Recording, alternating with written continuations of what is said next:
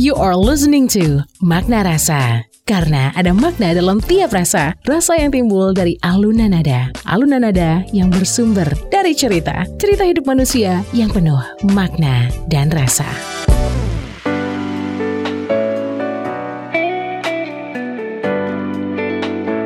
Dari Bumi Karang Putih Darung Padang 103.4 Classy FM This is the actual radio. Assalamualaikum warahmatullahi wabarakatuh. Good morning Classy people. Hari Jumat lagi. Itu artinya makna rasa hadir kembali untuk Jumat pagi Anda Dan nanti bakal diriran ya Di jam 7 sampai jam 8 malam. Untuk Anda Classy people yang mau dengerin ini komplit Dari episode awal banget Zaman-zaman Queen Bohemian Rhapsody ya Anda boleh akses kita di Spotify ya. Silakan aja searching Classy FM makna rasa Tuh pasti bakal dapat ada Bohemian Rhapsody, ada Michael Jackson, ada oh banyak banget Krisya, apalagi ya uh, banyak deh Oasis. Eh ada suara nih kelas people siapa ya?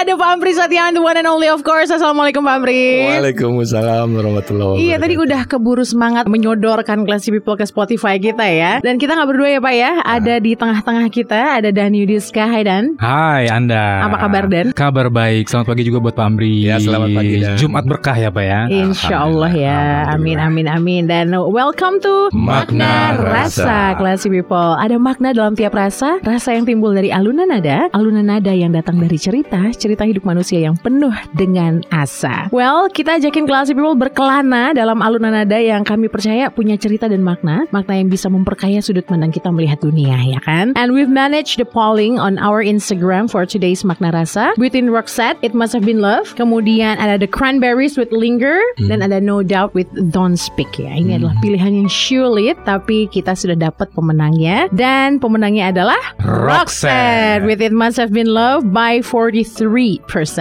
Wow.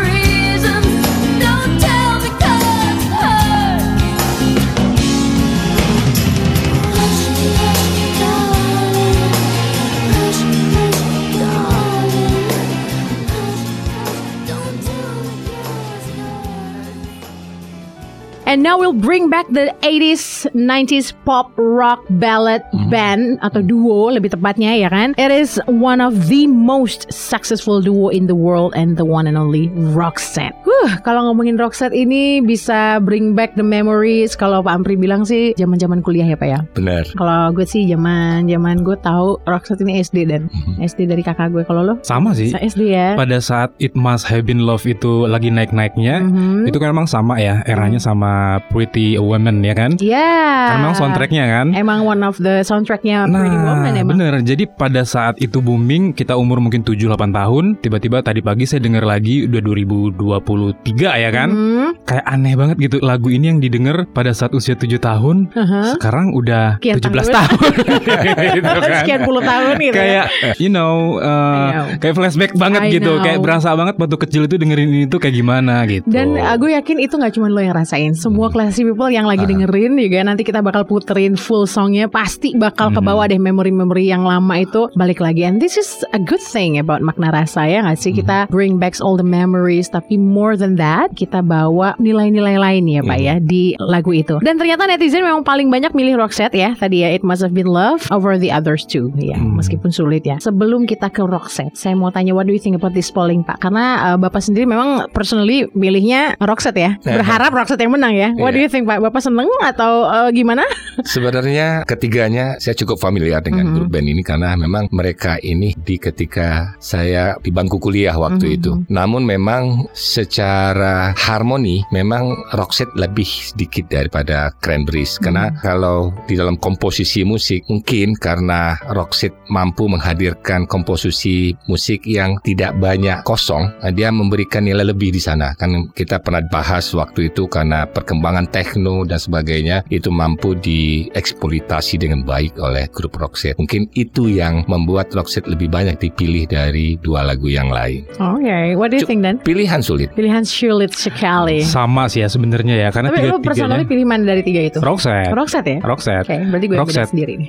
Pilih apa? gue milih Linger. Personally ya. Linger. Gue pengennya Linger semoga Linger yang menang gitu. Ah. Ternyata Roxette ya. Iya, But it doesn't mean I don't like Roxette. I love, I love of Roxette. course lah ya. Kita suka lah ketiga-tiganya Hmm, gitu ya. Tiga-tiganya. Tapi memang itu pilihannya agak tight banget ya kan antara Roxette, Cranberries, No Doubt dan Iya. itu memang punya masanya masing-masing. Mungkin masa satu band itu juga masa band yang lain juga mungkin sama gitu ya. Sama fansnya nih. Ah, karena mereka ini adalah musisi-musisi yang pada saat era 80-90-an itu memang topping of the chart lah ya. That's right. Jadi Siapa ini kayak kenal mereka gitu. battling antara tiga negara ya. Roxette Swedia, Swedia. Uh. Cranberries Ireland, Mhm. No Doubt Amerika kan. Europe versus Ah, USA. USA. Alright, classy people, kita bakal ngomongin tentang Roxette of course and the song itself It Must Have Been Love. Mary Fredrickson and Per Gessel. Ini dua orang yang ternyata udah sukses nih solo karir dua-duanya. Tapi mereka memutuskan untuk um, gabung lagi. Ber- bukan bergabung lagi, tapi mereka memutuskan untuk udahlah join aja. Uh, logikanya simple. Gue punya suara, kata si Mary. Lu punya lagu, Per. Ayo dong kita join. Akhirnya mereka join dan terbentuk dan berhasil merajai chart-chart di Eropa, di Amerika juga dan exceeding sales for third, uh, 75 million copies Hmm. around the world. 75 juta kopi. Wow, Iya. keren banget ya. Mereka ini entered the world of pop with The Look ya, tadi tahun 89, kemudian followed up with the, the mighty ballads Listen to Your Heart. Remember then? Listen to Your Heart ya Pak ya. And then the same year, the classic It Must Have Been Love di tahun 90, kemudian the Uber Platinum Joyride album di tahun 91 mereka rilis and their first world tour di tahun 91 itu and then for the next 10 years they were on the top of the chart somewhere in the world ya kalau nggak di Swedia. Swedia tuh udah oke banget. Bahkan Swedia tuh sudah bikin perangko khusus buat si Roxette ini gitu. Hmm. Kemudian constant flow of hit single and albums resulting the staggering record sales gitu ya. Kemudian mereka harus membubarkan Roxette karena kematian dari Mary Fredrickson ya dan itu baru-baru tahun 2019 ini ya. Yap, betul. Because after she's battling 17 years, 17 tahun battling uh, brain tumor atau kanker di, di, di otaknya gitu. Dan during 17 tahun battling itu, mereka berdua Roxette ini manage to touring juga, nge- ngeluarin album juga gitu ya, masih uh, struggling gitu sampai akhirnya mereka harus bubar karena kematian Mary Fredrickson. Ada hal menarik ya yang gue ngomongin sama Pak Ampri dan sebelum kita on air di Makna Rasa ini, Pak Ampri bilang ada yang khas antara band-band Scandinavians, it's either Swedia, dari Denmark gitu ya, yang dari Irlandia yang kayak kayak gitu, dengan band-band lain. Mereka lebih ke folk tapi uh, ballads dan liriknya serta lagu-lagunya itu ngayun banget dan easy to listening. Oke, langsung aja deh Pak Ampri, silahkan Bapak jabarkan maksudnya Bapak tuh apa sebenarnya. Jadi begini, di episode-episode sebelumnya kita sudah bercerita banyak bagaimana luar biasanya para musisi benua Eropa ini membuat riuh di belantika musik internasional mulai dari Beatles, kemudian Rolling Stone, Genesis sampai saat ini yang kita bahas Roxette. Mereka ini sadar bahwa mereka kuat secara lirik mungkin kalau kita bawa istilah lagunya. Karena mereka memang memiliki budaya yang lebih tua ya. Dan di samping itu mereka mempunyai kebiasaan bernyanyi di masyarakat yang kita kenal di masyarakat tradisional di sana ya sebagai genre folk ya yang secara tradisional aja irama-irama yang dikeluarkan oleh penduduk-penduduk setempat sangat-sangat indah dengan alunan nada dan pemilihan tekanan nada tinggi dan rendah terbawa seperti menjadi kebiasaan di masyarakat sana. Nah, inilah yang mengilhami musisi-musisi di sana cepat dapat diterima karya-karya mereka di seluruh dunia. Dan kita kenalkan memang banyak dari Skandinavian di sini ada kita kenal lagi misalnya Michael Landrock Ya MLTR ya, Ya. Denmark ya. Iya,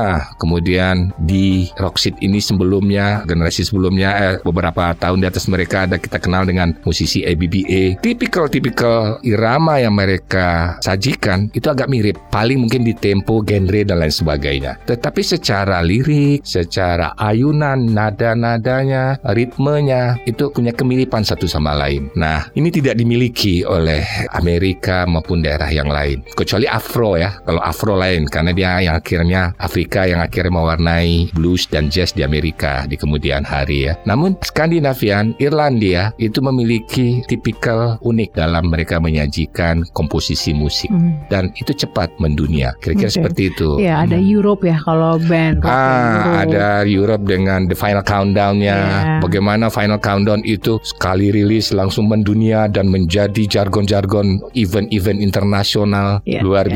biasa itu. Itu ikonik banget ya. Sangat-sangat ikonik karya-karya mereka. Ada satu yang sangat berkesan and rocker legendaris Ingwi Malmsteen namanya. Itu sangat terkenal sekali itu dari Swedia dengan kepiawaiannya dia yang agak berimbang lah dengan Richie Blackmore gitu ya cara permainannya dan itu mendunia sekali. Jadi mereka negara ini memiliki kekayaan dan keberuntungan secara budaya saya lihat di sini. Oke. Emang beda ya Dan ya kalau kita Hmm. lihat-lihat ya Amerika sama Europe itu ya musiknya, Ya. taste-nya emang beda ya. Beda sekali. Beda. Ada distinktifnya tuh memang kerasa sih. Ya. Iya, kerasa. Jadi di vokal itu kan kita ada mengenal teknik vokal salah satunya drive namanya. Mereka itu tanpa sadar mampu di lirik-lirik tertentu di momen tertentu meloncat dari nada rendah ke nada tinggi. Namun itu menjadi penarik di komposisi musik. Kayak The Final Countdown itu bagaimana mereka saat-saat terakhir itu meloncat nadanya ke tinggi kemudian tiba-tiba rendah. The Final Countdown. Ya, ya. Nah, ngikut dia dengan kata-kata yang mereka sajikan. Itu luar biasanya mereka-mereka yang ada di benua Eropa ini.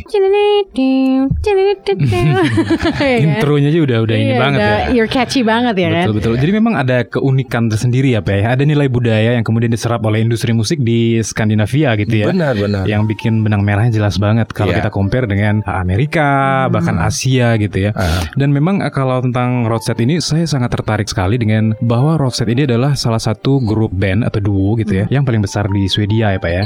Mungkin Setelah bisa IBBA. Mungkin iya ya Setelah setelah IBBA. Iya, emang iya ya? Mereka nomor dua IBBA tetap nomor satu. Nah, nomor duanya dia. uh, Roxette. Iya bener karena mereka cara komersial uh, sangat sukses Aha. walaupun si Mary ini kan awalnya bukan langsung masuk ke Roxette awalnya Dia kan. adalah soloist yang sukses juga di sana. Betul dan dia dulu mengawali karirnya justru di genre punk. Kelihatan Ah, genre semuanya. punk, rambut spike-nya masih ke bawah di Roxette gitu ya. Begitu gabung di Roxette baru sukses secara komersial internasional lah gitu Pak ya. Per, si Per Gessler juga kayak gitu. Ah. Dia juga adalah soloist atau penyanyi artis solo yang gabung sama GT nama bandnya. Singkatan dari apa gitu ya. Udah sukses juga di Swedia, multi platinum kayak kayak gitu juga. Tapi Hmm. itu logikanya simple. Si Mary punya suara, si Per Gessler punya musik. Ya why don't we join? Ya udah join aja ya udah jadi deh nih si Roxette ini. Jadi tahun 91 mereka mulai naik sampai 10 years later mereka world tour bla bla bla sampai akhirnya di 2009 setelah Mary Fredrickson ini recover dari brain tumornya mereka comeback tahun 2009 and it was a huge huge success gitu ya. Dan di tahun 2006 all the good vibes ya shares on the stage and studio setelah mereka mencapai climaxnya di album Good Karma. Hmm. itu kan baru aja 2016 ya Good Karma. And yet after that another tour lagi another tour lagi sukses lagi. Tapi ternyata karena udah rigorous banget udah rigid banget tur-tur-tur si Mary jadi down lagi nih Iya. kondisi kesehatannya. Akhirnya doctors ngomong dokter-dokternya dia ngomong kalau udah udah nggak bisa lagi nih. Akhirnya konser 30 tahun mereka yang judulnya Roxette X-nya 3 itu kan tiga uh, huruf Romawi dari 3 ya 30 30 ya. Roxette X-nya 3 30th anniversary tour nggak jadi. They're putting an end to this celebration. Sampai finally gitu tadi mereka kesehatannya bukan mereka itu si Mary kesehatannya nurun-nurun dan 2019 akhirnya meninggal. Nah sedih banget sih memang pas si Mary meninggal ini. Per Gessler menulis sebuah surat gitu, surat lah, surat terbuka dan kemudian itu diperlihatkan ke dunia gitu ya. Dia bilang, time goes by so quickly. It's not that long ago we spent days and nights in my tiny apartment in Homestead, listening to the music that we love, sharing impossible dreams, and what a dream we eventually got to share. Thank you, Mary. Thanks for everything. We were an outstanding musician, a master of the voice, an amazing performer. Thanks for painting my black and white songs in a most beautiful color. We were the most wonderful friend for over 40 years. 40 tahun. I am proud and honored and happy to have been able to share so much of your time, talent, warmth, and generosity and sense of humor. All my love goes out to you and your family. Things will never be the same katanya. Wow. Jadi emang mereka berdua 40 tahun sama-sama dan kita nggak pernah dengar mereka cekcok gitu ya. Mhm. Mereka termasuk duo yang kompak gitu loh. Mhm. Iya kan nggak nggak ada. Biasanya kan kita sering ini ya pak ya. Ah. Saat top of career justru Hmm. malah band itu pecah Hmm. karena perebutan royalti atau apalah-apalah. Tapi mereka tuh kompak banget for over 40 years. Wah luar Hmm. biasa. Dan di tahun 2001 kemudian album Joyride itu Mhm. dirilis ulang, dirilis ulang di dua tahun yang lalu ya, dan itu dalam bentuk CD dan juga vinyl gitu. Dan ini Ah. untuk memberikan uh, penghormatan lah ya untuk karir dari Roxette sendiri dan Joyride itu memang dianggap menjadi album yang paling laris lah gitu Iya, iya. untuk karir Roxette. Makanya itu kemudian dirilis ulang kembali. Ya untuk fans-fansnya Roxette, Iya. silahkan beli vinylnya gitu ya, untuk Iya, menikmati bener, bener, bener. Karya yang lebih original gitu ya. yang ini ya yang masih kerasa banget Roxette Ya. originalnya gitu Ya. ya. Kalau misalnya di YouTube kan kita denger sih cuman kualitas soundnya pasti nggak se-clearnya si vinyl dong ya. Hmm. Nah kemudian di ada beberapa perjalanan mereka milestone milestone mereka nih uh, Pampri dan juga Dani di tahun 94 Roxette itu ngeluarin album Crash Boom Bang kan. Mhm. Kemudian di situ ada hit singlenya Sleeping in My Car, Run to You, Vulnerable, She's so vulnerable, like China's in my hands itu ya. Kemudian Fireworks, um, dan ini rilis sebelum grup ini kick off their second tour with 47 shows in Europe during the autumn pada waktu itu 47. Jadi mereka saat ngerilis album touringnya tuh bener-bener gila-gilaan gitu. Sampai mereka ke Afrika ada 130 ribu fans Afrika yang di Afrika di South Africa yang ngumpul untuk nontonin mereka dan kalau dibikin tour nggak pernah sepi itu deh intinya si Roxette ini Hmm. nggak pernah itu 10 ribu 11 ribu orang ngumpul untuk nonton mereka masih ah kecil aja oh hitungannya udah ratusan ribu ke atas gitu kalau udah konser ya di zaman itu ya Hmm. which is awesome luar biasa Dan itu nama besarnya masih sampai sekarang sih sebenarnya ya. Hmm, sampai ke Cina juga Sampai kan ya Southeast juga ya. Asia mereka juga Hmm. terkenal kayak MLTR itu Hmm. Michael Lawrence Surak itu adalah sebenarnya band Denmark yang Mhm. terkenalnya justru di Asia ya. Mhm. di Southeast Asia justru mereka Hmm. paling terkenal gitu Hmm. kalau Pampri, Roxette itu kan banyak ya 10 album studio yang mereka udah keluarkan ya Pak sejak Mhm. awal banget. Mhm. Tapi one of the best song atau yang your favorite song deh Yeah. Dari sebanyak itu lagunya Roxette apa Pak? Kalau Bapak? Lagu yang saya sangat familiar dan sangat pas liriknya ya It Must Have Been Love. Hmm. Ya, Mas Menurut saya, ya, karena memang lagu itu relevan dengan suasana pada waktu itu, gitu ya. Mhm. Itu makanya eh, ini yang lebih menonjol di mata saya. Kalau untuk grup Roxette, memang banyak lagi yang lagu-lagu yang lain ya, yang Mhm. juga juga kalah bagusnya. Kalau kalau dan your Banyak favorite? ya. No no no one your One, only favorite. one, Aha. Roxette. Apa dong Roxette? Antara It Must Have Been Love sama How Do You Do. Ya, Ah, how do you do ya? Kalau gue sih yang Milk and Toast and Honey Mhm. Gitu, Milk and Toast and Honey kan awalnya tuh sweet, sweet sampai akhir unik sih lagunya. Kalau judulnya aja susu, Mhm. roti bakar sama madu. Madu. Lucu sih. Jadi suasananya homey banget Homey ya. banget ya. Oke, Ah. kita bakal balik lagi di sesi kedua ya. Ada banyak fun fact about Roxette ya. Kemudian kita akan ngedalamin lagi tentang It Must Have Been Love. So stay on Makna, Rasa. Makna Rasa. Ada makna dalam tiap rasa.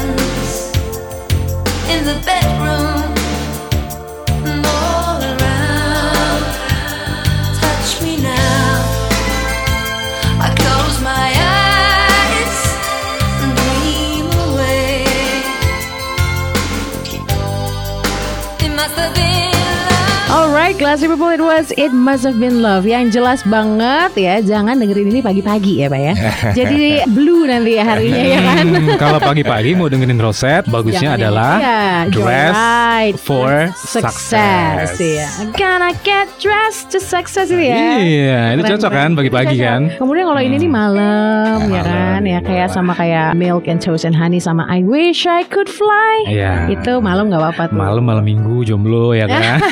Ngomongin diri sendiri dong.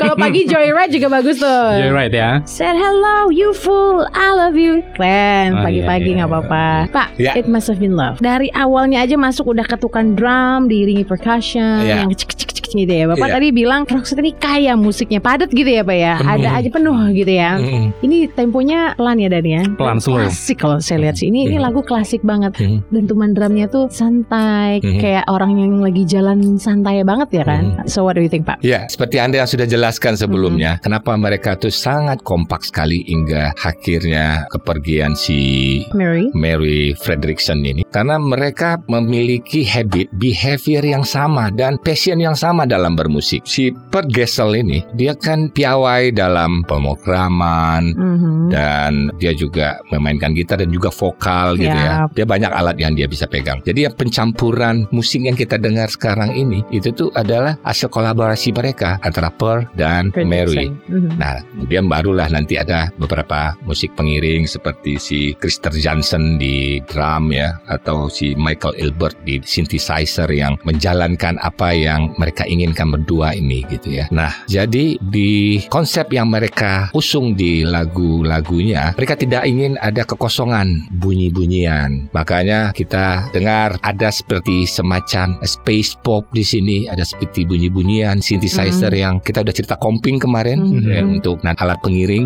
belatar ya ah, yang memberi kesan bahwa itu ada semacam hikmat yang ingin disajikan di sana apalagi paling tidak ada perkusi yang begitu disiplin berbunyi sebagai latar musik menjadi suasananya lagunya menjadi lebih hikmat namun di sisi lain mereka tetap menjaga birama lagunya Mhm. dengan dentuman drum yang begitu dominan dengan bassnya. Jadi di sini memang peran si Jonas dan si Krister itu musik pengiringnya itu Mhm. Jonas di bass, si Krister di drum itu memang ditekanin kali sama si Per untuk dominan di samping bunyi-bunyian ini. Nah ini ialah yang membuat lagu ini lebih masuk pada saat itu dan mungkin saat ini mungkin ke depan ya Mhm. dibandingkan band-band yang lain yang seperti yang kita pulingkan uh, Ah. untuk hari ini. Ya ya ya. Ah, ah. no doubt masih ada kosong di situ. Cranberries masih ada kosong di situ. Secara komposisi musik, tetapi secara rock set full bunyi-bunyi itu lengkap sehingga tidak terputus uh, suasana khidmat yang ingin dicapai di lagu-lagu yang ingin dicapai. Termasuk juga dengan lagu-lagu yang temponya tinggi juga mampu mendrive spirit orang yang mendengarnya untuk selalu bersemangat. Jadi menghantarkan apa yang diinginkan lagu dan komposisi dapat oleh mereka berdua ini. Cucok meong ya Dan. ya. Iya, Kolaborasi yang luar biasa antara Iya iya. Per Gessler dengan seorang Uh, Mary, Fredrickson. ya. Betul. Tapi secara spesifik ya Pak Ambria, saya penasaran dengan istilah yang Bapak gunakan kosong gitu ya. Kosong eh, di mana musik si Roxette ini nggak pernah kosong. Mhm. Sementara Cranberries dan uh, No Doubt itu Iya. ada kosong-kosongnya. Specifically itu kosong maksudnya gimana Pak? Bisa dijelaskan lebih detail Pak? Iya, kosong maksudnya begini. Ada lagu-lagu tertentu, Hmm. ya, lagu-lagu tertentu tergantung dengan tempo, tergantung dengan jenis lirik yang disajikan gitu ya. Hmm. Dan kalau misalnya sederhana seperti ini, kenapa lagu Final Countdown-nya si Europe mendunia dan banyak digunakan berbagai event? Karena ketukan musik, kemudian dentuman alat-alat dan kemudian pekikan dari synthesizer yang mengiringannya itu saling mengisi di situ. Mulai dari synthesizer, tereret, yang lain diam.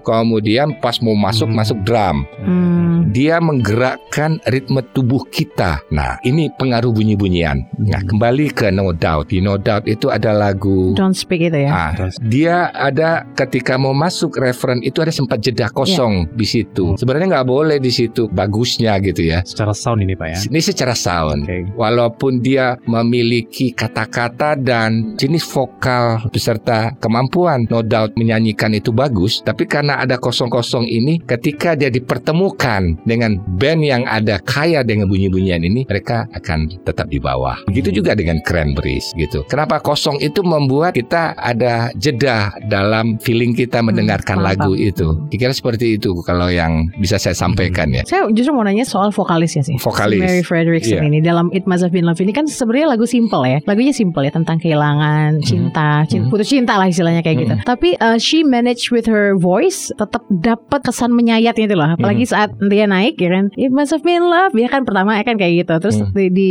chorus atau di ref yang kedua naik kan dia kan. Gitu ya. Apa sih istilahnya modulasi apa ya? Modulasi, Modulasi. naik Oh, ya iya, kan. modulasi. Yeah, must have been love, but it's over now. Pindah kunci ya, Pak? Hah? Pindah gitu ya. Betul. Kemenyayatan si suara si Mary, Mary. ini loh. What do you think, Pak? Iya, jadi ini saya teringat ketika kita membahas seorang Celine Dion. Jadi kepiawaian Mary dia mengambil momentum bahwa lagu ini harus masuk lebih dalam bagi kependengarnya. Bagaimana caranya? Harus ada modulasi di situ. Tidak hanya modulasi, jenjang nadanya, tangga nadanya juga harus lebih tinggi. Kita ingat bahwa lagu-lagu irama yang dibawakan dengan suara yang lebih tinggi, penerimaannya akan jauh-jauh lebih berbeda di- jika dibawakan dengan suara yang datar-datar Iya. saja. Nah ini yang kelebihan Mary membawakan lagu ini nyampe bagaimana mulai dari awal rendah mereka hanya sekedar uh, riff, It Must Be Love diulang-ulang ya.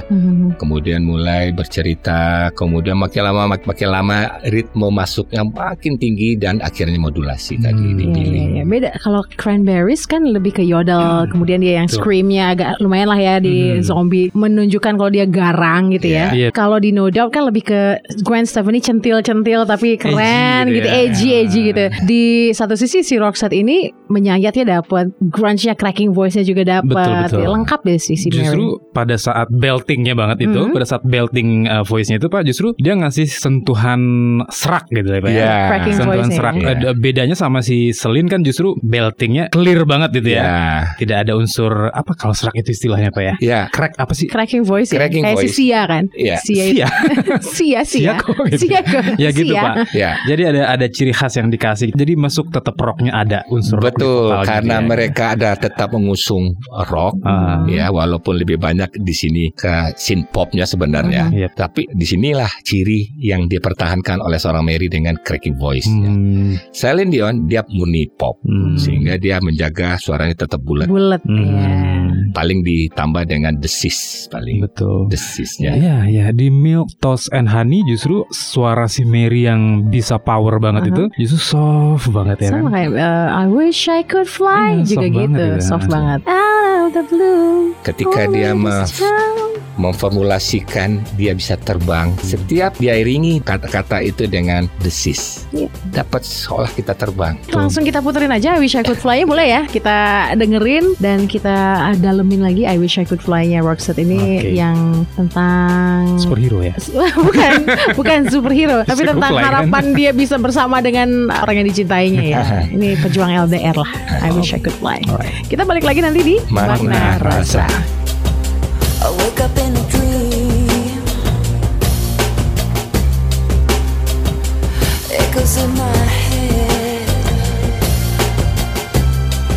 every whisper turn into a scream.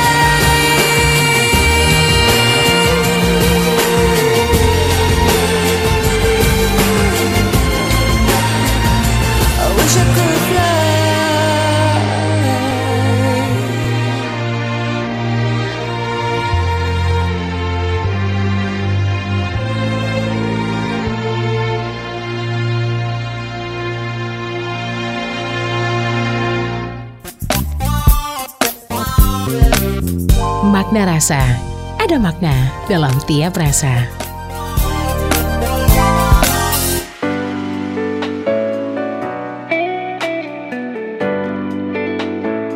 One of the rain for Classy FM. This is the actual radio class people. I wish I could fly. Udah kita puterin tadi ya Dan ya. Yes. Kita terbang bareng-bareng ya. Terbang bareng-bareng. Kan? Asik banget ya Pak ya musik ini ya. Mhm. Ada modulasinya, ada kunci berjalan kalau Bapak bilang tadi. Chord ya. Walking chord ya Pak ya. Iya. Itu emang special walking chord ini dipakai untuk musik-musik atau lagu-lagu yang mau uh, ngasih sensasi Fly. fly gitu ya. Iya, pada umumnya kalau untuk yang pop seperti itu, Mhm. kecuali kalau jazz beda lagi ya. Mhm. Kalau jazz kan memang mereka itu terbiasa bermain walking chord ya. Mhm. Tapi kalau untuk lagu-lagu yang pop ya, apalagi yang soft rock gitu ya, kalau ada mereka melakukan walking chord itu biasanya liriknya dia semacam menghantarkan seperti fly, Mhm. seperti uh, Free. free, Kayak gitu ya, ya. kayak sepertinya semacam itu. Di I Believe I Can Fly ada juga mungkin ya Pak ya? Ya. R. Kelly ya. R. Kelly. Iya. I believe I can fly itu ya. Walking chordnya ya. Uh, Yura Yunita ada nggak Pak waktu yang kita bahas ini loh Intuisi. Aku tak sempurna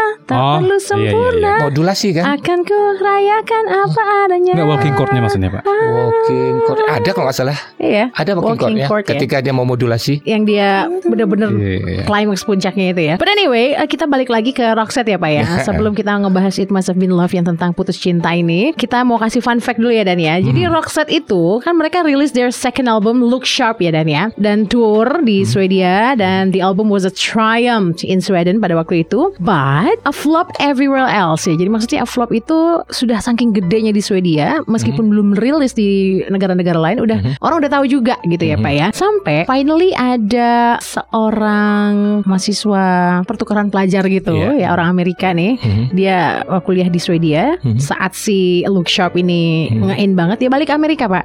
Jadi dia bawa tuh albumnya apa Mhm. namanya copy of this song gitu ya. Mhm. Saat dia balik ke Amerika, dia play dong lagu ini. Kemudian tertarik nih banyak. Eh bagus ya bagus ya di copy copy copy banyak dan diputar radio. Hmm. Radio satu muter, radio lain. Eh keren lagu apa tuh? Oh lagu ini di copy di copy di copy. Jadi ya The Look lagu The Look ini spread on the cassette copies to other studio station Mhm. from one studio to other studios and suddenly Roxette had a single hit in USA Mhm. even before they release it officially. Wow. Jadi kayak gitu fun fact-nya. Mhm. Jadi nggak sengaja lah dan menanggapi respon yang luar biasa dari USA, uh, officialnya Roxette, udah deh buru-buru deh kita rilis. Makanya di tahun itu akhirnya dia rilis secara official di USA. Look Sharp ini gitu. Dan uh, nama Roxette ini ternyata Classy People uh, was taken from the title of a song by 1970s rock band Roxette ya. Terus yang lainnya fun fact tentang Roxette ini, the inspiration of their sound ternyata Pak uh, musik-musiknya atau bunyi-bunyian yang mereka produksi itu mainly came from 1960s. Mhm. Katanya mereka terinspirasi dari tahun 60-an Betul. Mhm. di Europe ya. Kemudian uh, It Must Have Been Love itu kan the only mereka satu-satunya alasan kenapa si It Must Have Been Love ini jadi soundtracknya Pretty Woman itu karena Roxette nggak punya waktu untuk nulis lagu baru. Mhm. Udah deh, lu ambil ini aja. Oke, mereka suka jadilah kayak gitu. Jadi Tapi kenapa Pretty Woman itu kan Amerika ya? Iya, iya. Amerika ya. Iya, iya. kenapa mereka memilih justru yang Karena pada waktu itu Roxette kan lagi gitu. melambung banget namanya di Amerika kan dan dia Oh, bisa dimin- jadi sebenarnya mereka diminta untuk nulis uh, lagu baru nih untuk soundtrack Pretty Woman cuman mereka nggak punya waktu karena turnya kan luar biasa Mhm. Hmm. turnya tuh ke mana-mana mana rigid banget kan ininya betul. schedule-nya yaudah deh gue nggak punya waktu kalau lu mau ini aja dijadiin It Must Have Been Love Hmm. ternyata cucok Betul. jadi deh itu Karena soundtrack. Bodyguard Ya. itu uh, soundtracknya kan Whitney Houston ya. Mhm. I Will Love Is Love Iya, You iya. kan. Amerika gitu penyanyinya ya. Ya, bodyguard. Mungkin ada alasan lah ya kenapa Roxette gitu ya. Iya, iya, iya. iya. Dan mm, Roxette had an impressive 19 top 40 hits in UK single chart ya. Dan mereka berhasil untuk nge-break Amerika dan mereka punya empat lagu di Amerika yang nomor satu nem- posisi chartnya dan uh, lagu itu ada The Look, Listen to Your Heart sama It Must Have Been Love and Joyride itu. Empat lagu ini menguasai top chart USA pada waktu Hmm, itu. itu alasannya ini- ya. Itu alasannya tuh kenapa Pretty Woman kan ikonik banget ya. Film yang wow, Richard ini banget ya. Gere, Julia Gere, Roberts ya. Julia Roberts itu sampai sekarang tuh apa-apa apa tuh masih Pretty Woman, lagunya juga yang Pretty Woman, Walking Down on Street masih ikonik banget ya. Itu dia tentang Roxette. Fun fact about Roxette. Sekarang kita ngomongin Ada satu yang Anda sebutkan tadi. Kenapa dia terinspirasi dengan musisi tahun 60-an? 60-an, yes. Karena bintang idola dari Pergesel adalah John Lennon. Hmm. Ah, lagi-lagi ya. John Lennon. Si John Lennon bandit emang si John Lennon ini dia. Jadi apa-apa itu ke dia karena emang genius music banget si John Lennon ya.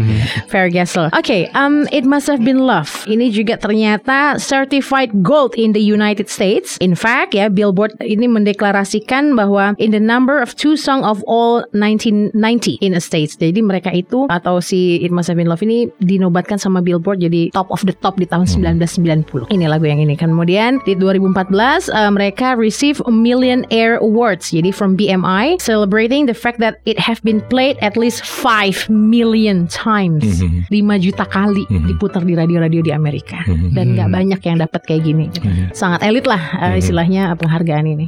Dan sekarang kalau kita cek di YouTube-nya juga ya, It Must Have Been Love ini walaupun lagunya old fashion banget gitu ya, cuman dia udah sampai hampir 657 Juta something juta gitu lah ya. Kan banyak banget. Artinya generasi sekarang pun masih masih searching It Must Have Been Love uh, Roxette ya kan? Masih ada atau mungkin generasi lama yang ngulang-ngulang juga Tapi terlalu tinggi angkanya kan. Ya 600 Hampir 700 juta itu ya. Wow. Oke, It Must Have Been Love tentang putus cinta sebenarnya Pak. Saya mau nanya ini ke Dani juga ke Pak Ampri. What do you think about the meaning of the song when you lose someone you love so much? Ya. It must have been love, but it's over now. It's all that I wanted, but it's now what I'm living without gitu. What do you think Pak tentang kehilangan cinta? Memang ini posisi lagu yang sangat sulit ya ketika seseorang menghadapi kondisi seperti ini dan bahkan ada terdengar sampai orang mengakhiri hidup yang sebenarnya tidak perlu itu dilakukan. Namun demikianlah ya makna cinta bagi seseorang dalam berhubungan dengan orang yang lain dengan pasangannya dan memang eh, cinta seperti yang sudah kita bahas di beberapa episode sebelumnya menjadi kekuatan yang dahsyat cara orang bertindak, cara orang berhubungan dan cara orang melalui hidup. Begitu dahsyatnya bahkan banyak hal-hal yang tidak dikendaki bahkan terjadi. Begitu juga di lain sisi dengan kekuatan cinta sebuah karya yang tidak mungkin itu bisa tercipta dari kekuatan cinta. Nah, lagu ini menjelaskan ke kita bahwa pertama memang kehidupan harus berlanjut. yeah, Yeah. it goes on. Dan apa yang sudah terjadi di masa lalu memang tidak akan cukup sulit dilupakan atau membekas lama.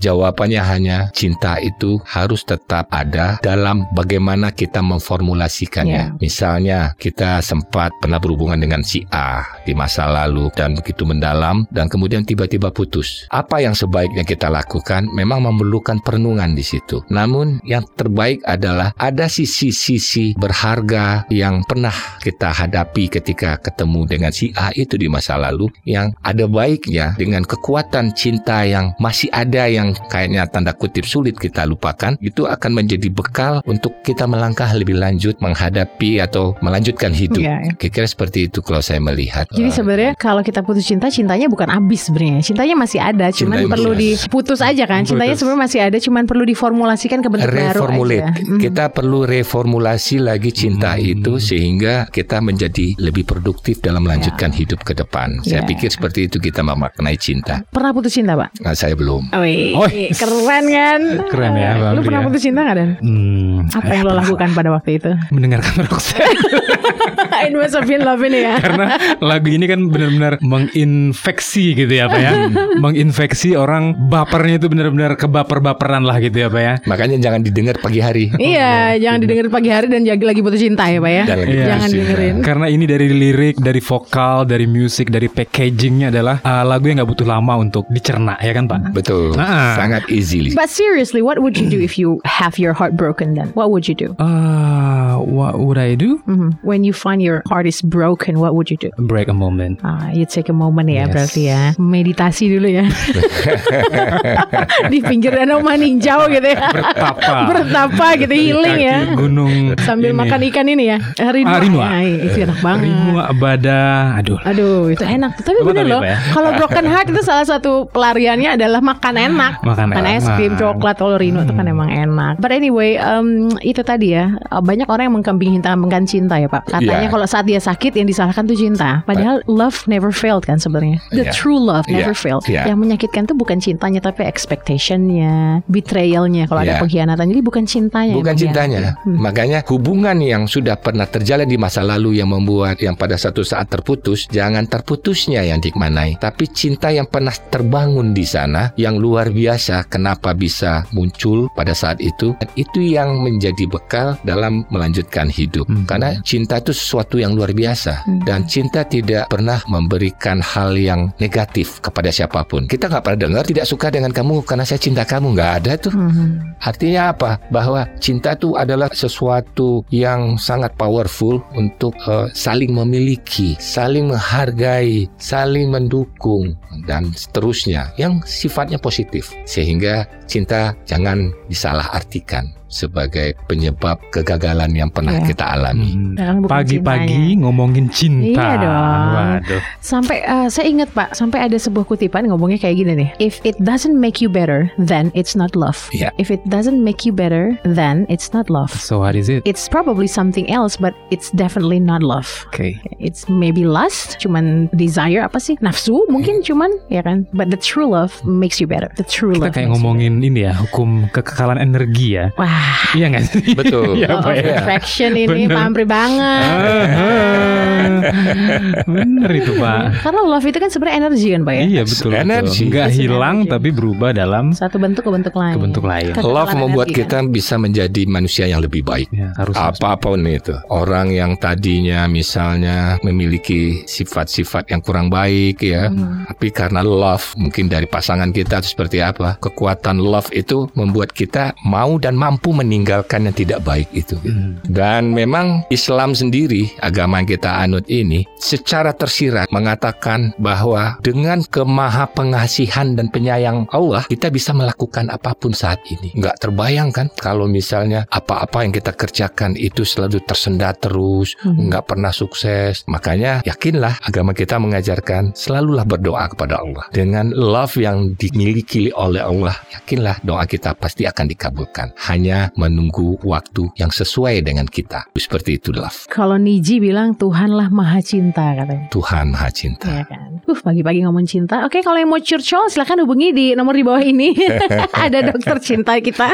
Namanya Dani Yudiska Classy People. Silakan di email ya kalau sih boleh. Oke, Aduh. ah, untuk anda kelas people yang dengerin kita mungkin barusan gitu ya Pak ya di sesi ketiga ini baru dengerin, duh ketinggalan nih sesi satu sesi dua. Oh jangan khawatir, anda tetap bisa mencermati makna rasa di Spotify kita kelas people. Nanti malam juga bakal diriran ya. Nanti kalau dirirannya anda belum sempat juga it's okay ada Spotify-nya, langsung aja klik di Spotify searching aja makna rasa kelas FM pasti dapat deh. Mulai dari yes. episode 1 sampai yang ke-17 ini bakal ada. Mhm. Oke. Dan minggu depan kita Ya. akan membahas Uh, ini Aduh. battle of two great band juga. Yes, kita seperti membandingkan dua benua ya. Iya, dua Iya benua sih? Amerika Iya kan? sama Eropa lagi nih ya. Iya benar-benar. Tapi kalau sih. spesifiknya Amerika versus Inggris lagi nih ya. udah ketahuan kayak yang menang siapa ya? Iya, Belum ya? tentu, Belum tahu ya? tentu. Kata netizen itu punya ini ya, punya selera yang nggak ditebak, unpredictable. Kita kan- spill? kita uh, spill sekarang, Boleh. boleh? Yang Ciri-cirinya pertama, adalah ciri-cirinya adalah uh, yang satu yang dari Inggris ini um, kiblatnya ke Oasis dan juga The Beatles. Terus nama vokalisnya Chris Martin. Oke. Ya udahlah ya, pasti mantan Coldplay. istrinya Ya, Gwyneth mat- Paltrow. ya, udah pasti deh ya Coldplay gitu ya. Ah. Kemudian lawannya atau mungkin uh, pesaingnya di makna rasa adalah Istrinya istrinya BHT Prince Lou. Yaitu uh, modelnya Victoria's Secret ya kan. Ya. Nama salah satu apa namanya hitsnya This love has taken its all on me. Move like Jagger. Move like Jagger. Kemudian Girls Like You, Running a Guy Like Me. Ya. Itu kan Mhm. nama vokalisnya Adam Levine. Baik, itu dia clue-cluenya Classy People. Iya itu cluenya siapa lagi kalau bukan Maroon Maroon 5. 5. Both bands has already feeling a Super Bowl halftime. Wih, Maroon 5 udah, Coldplay udah, tapi dia bareng sama Beyonce dan Bruno Mars kan kalau Hmm, Coldplay, ya. Coldplay. Jadi mereka setara lah bisa dibilang kayak gitu ya. Kemudian achievement-achievementnya, kemudian kemeledakan hits-hitsnya, fansnya itu udah bisa disetarain lah. Karena Super Halftime, Super Bowl itu kan salah satu ini juga ya, Achievement juga ya, indikator juga nih ini lo udah oke atau belum gitu kan. Yang terbaru udah lihat ya. Rihanna dong. Rihanna. Riri. Oke, siapakah yang akan memenangkan nanti lagunya kita spill di uh, pollingnya Instagram ya Pak ya. But personally, Bapak pilih siapa nih? Kalau dahulu Mhm. ketika masih sekolah, mungkin saya akan lebih ke arah Maroon 5 karena dia 5. musiknya mentak gitu. Aha. Kalau dengan pertambahan usia saat Aha. ini lebih cenderung ke Coldplay. Coldplay. Sama. Ih, nggak boleh sama biar seru. Bagaimana mungkin? Bagaimana mungkin I cannot resist Coldplay ya? Ya itu. Tapi Ya Maroon 5 Maroon oke banget. Maroon 5 tuh oke juga loh Karena dia unik deh Dia tuh nggak kayak band Amerika pada umumnya kan Hmm, tapi nih pas Coldplay muncul dengan In My Place, in my, itu langsung wah ini ini something Unresistable banget ya banget Iya gitu kan. kan? Dulu tuh musik-musik kayak gitu kan seger ya pak ya. Aha. Walaupun beatnya kayak gitu tapi Mhm. soundnya tuh benar-benar Britpop Britpop Britpop banget, banget dan ya. vokalnya Chris Martin kan benar-benar langsung ear catching banget pak. Benar. Adam Levine gue masih membela Maroon 5 nih Seolah-olah Maroon 5 udah kalah aja nih Padahal belum tahu. Belum tentu. Tapi Sunday morning rain is falling Ya, Maroon 5 chilling banget. Chilling banget dan beda dengan band-band Amerika lain kan. Nggak tahu deh ada something about Maroon 5 yang emang apa ya irresistible juga sebenarnya dan. Vokal Adam Levine ya? Adam Levine itu kan Tinggi tidak banget. terlalu manly ya. Yes. tidak terlalu Iya, manly. iya, iya, iya. Tidak terlalu manly tapi entah kenapa justru karena racikan musiknya dapat gitu ya, Pak ya. Iya. Hmm. Jadi monster hits juga dia. Komposisi musiknya bisa mengiringi liriknya dia seperti Hmm. bass yang jalan dan kemudian ketukan drumnya yang menghentak di di fase-fase tertentu. Mhm. Itu kelebihan Maroon 5. Maroon 5. Kalau Coldplay kan memang kita kenal dia sebagai post Britpop ya, dia Mhm. penerus dari Oasis. Oasis, Iya. jadi lebih calm dia. dia Saya tuh uh, paling emphasizing tuh ke vokalnya Adam Levine Maroon 5 ya dan Iya, ya. Ini untuk ke next week nih. Dia pernah bawain lagunya Dream On yang Hmm. pernah dibawain Aerosmith. Hmm. Kebayangkan kayak apa tingginya Dream On, Dream dan itu tuh dia sampai tanpa falsetto. Kebayang nggak lagu Dream On yang Aerosmith dibawain sama Adam Levine Hmm. tanpa falsetto? Karena emang range suara Adam Levine tuh gila-gilaan tinggi Hmm. banget. Iya. Kalau Coldplay pasti kalau udah setinggi itu pakai falsetto si Chris Martin. Iya. Hmm, Chris Martin bukan di range mainnya, Iya. di feeling. Woi, main feeling. Oke deh, aduh bakal bingung-bingung deh netizen nih ya di Instagram story-nya Classy FM. Silahkan anda ikutan polling Classy People Maroon 5 versus Coldplay. Nanti lagunya bakal kita spill di polling itu. Akhirnya saya Anda ya nih. Saya Dani Yudiska. Dan saya Ampri Satiawan. Thank you for listening Makna Rasa. Assalamualaikum warahmatullahi wabarakatuh. And then see you. Milk and